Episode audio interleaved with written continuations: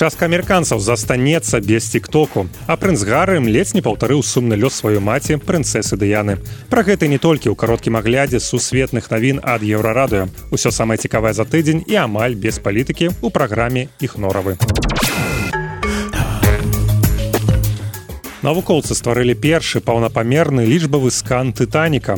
Парэшткі якога ляжаць на дне атлантычнага акіяна на глыбіні амаль чатырох тысяч метраў. Даследнікі спадзяюцца, што гэта дазволіць устанавіць новыя падрабязнасці крушэння лайнера, які патануў у 1912 годзе пасля сутыкнення з айсбергам. Ахвярамі катастрофы сталі больш за паўтары тысячы чалавек. А стол тытанікам знайшлі ў 1985 годзе. І з тых часоў шмат разоў даследавалі рознымі спосабамі спосабамі але карабель настолькі вялікі ляжыць на такой глыбіні што камеры могуць паказаць толькі асобныя яго часткі. Цалкам корпус патанулага суднам яшчэ ніхто не бачыў. Новы скан открывае поўны выгляд тытаніка. Падчас паглыблення карабель разламаўся напалам насавую кармавую часткі падзяляе каля 800 метраў. Судна атачае велізарнае поле парэшткаў. Аперацыю па сканаванню тутанікам летам 2022 года правялі кампаніі Магелан Лімітад, якая займаецца глыбакаводным карціраваннем і Атлантик Productions, якая здымае дакументальны фільм аб гэтым праекце.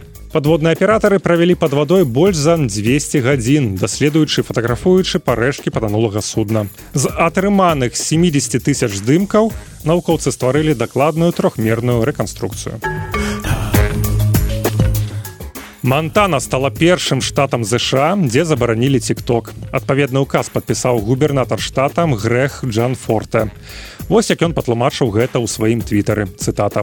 Каб абараніць асабістыя дадзеныя жыхароў Мантаны ад камуністычнай партыі Китая, я забараніў тикток у Мантане.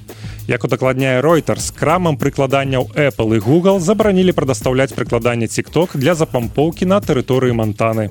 Пры гэтым за выкарыстанне дадатку не прадугледжана ніякіх штрафаў. Закон уступіць у сілу з 1 студзеня 2024 года.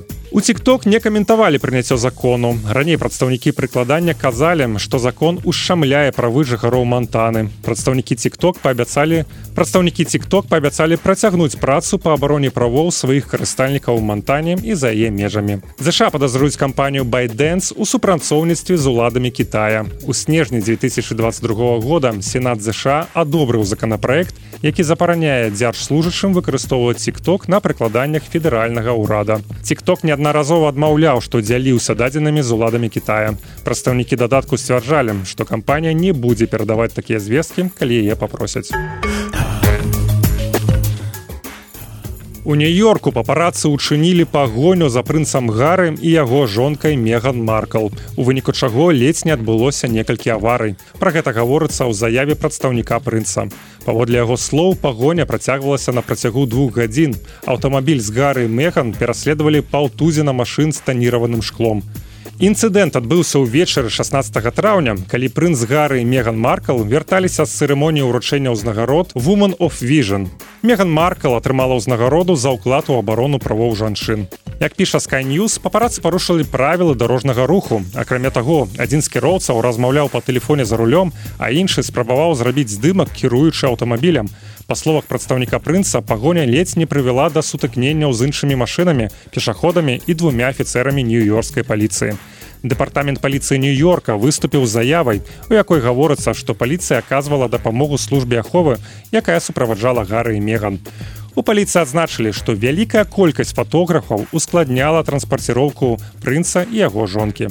Мэр нью-йорка Эрик Адамс назваў дзеянні ўдзельнікаў інцыдэнту безадказнымі, нагадаўшы, што маці гары прынцеса Дыяна загінула ў 1997 годзе у аўтакатастрофе, калі яе пераследавалі папарацы. Зразумела, што папарацы хочуць зрабіць удалы здымак, яны хочуць атрымаць гісторыю, але грамадская бяспека заўсёды павінна быць на першым плане. Прыводзіць яго словы CNN.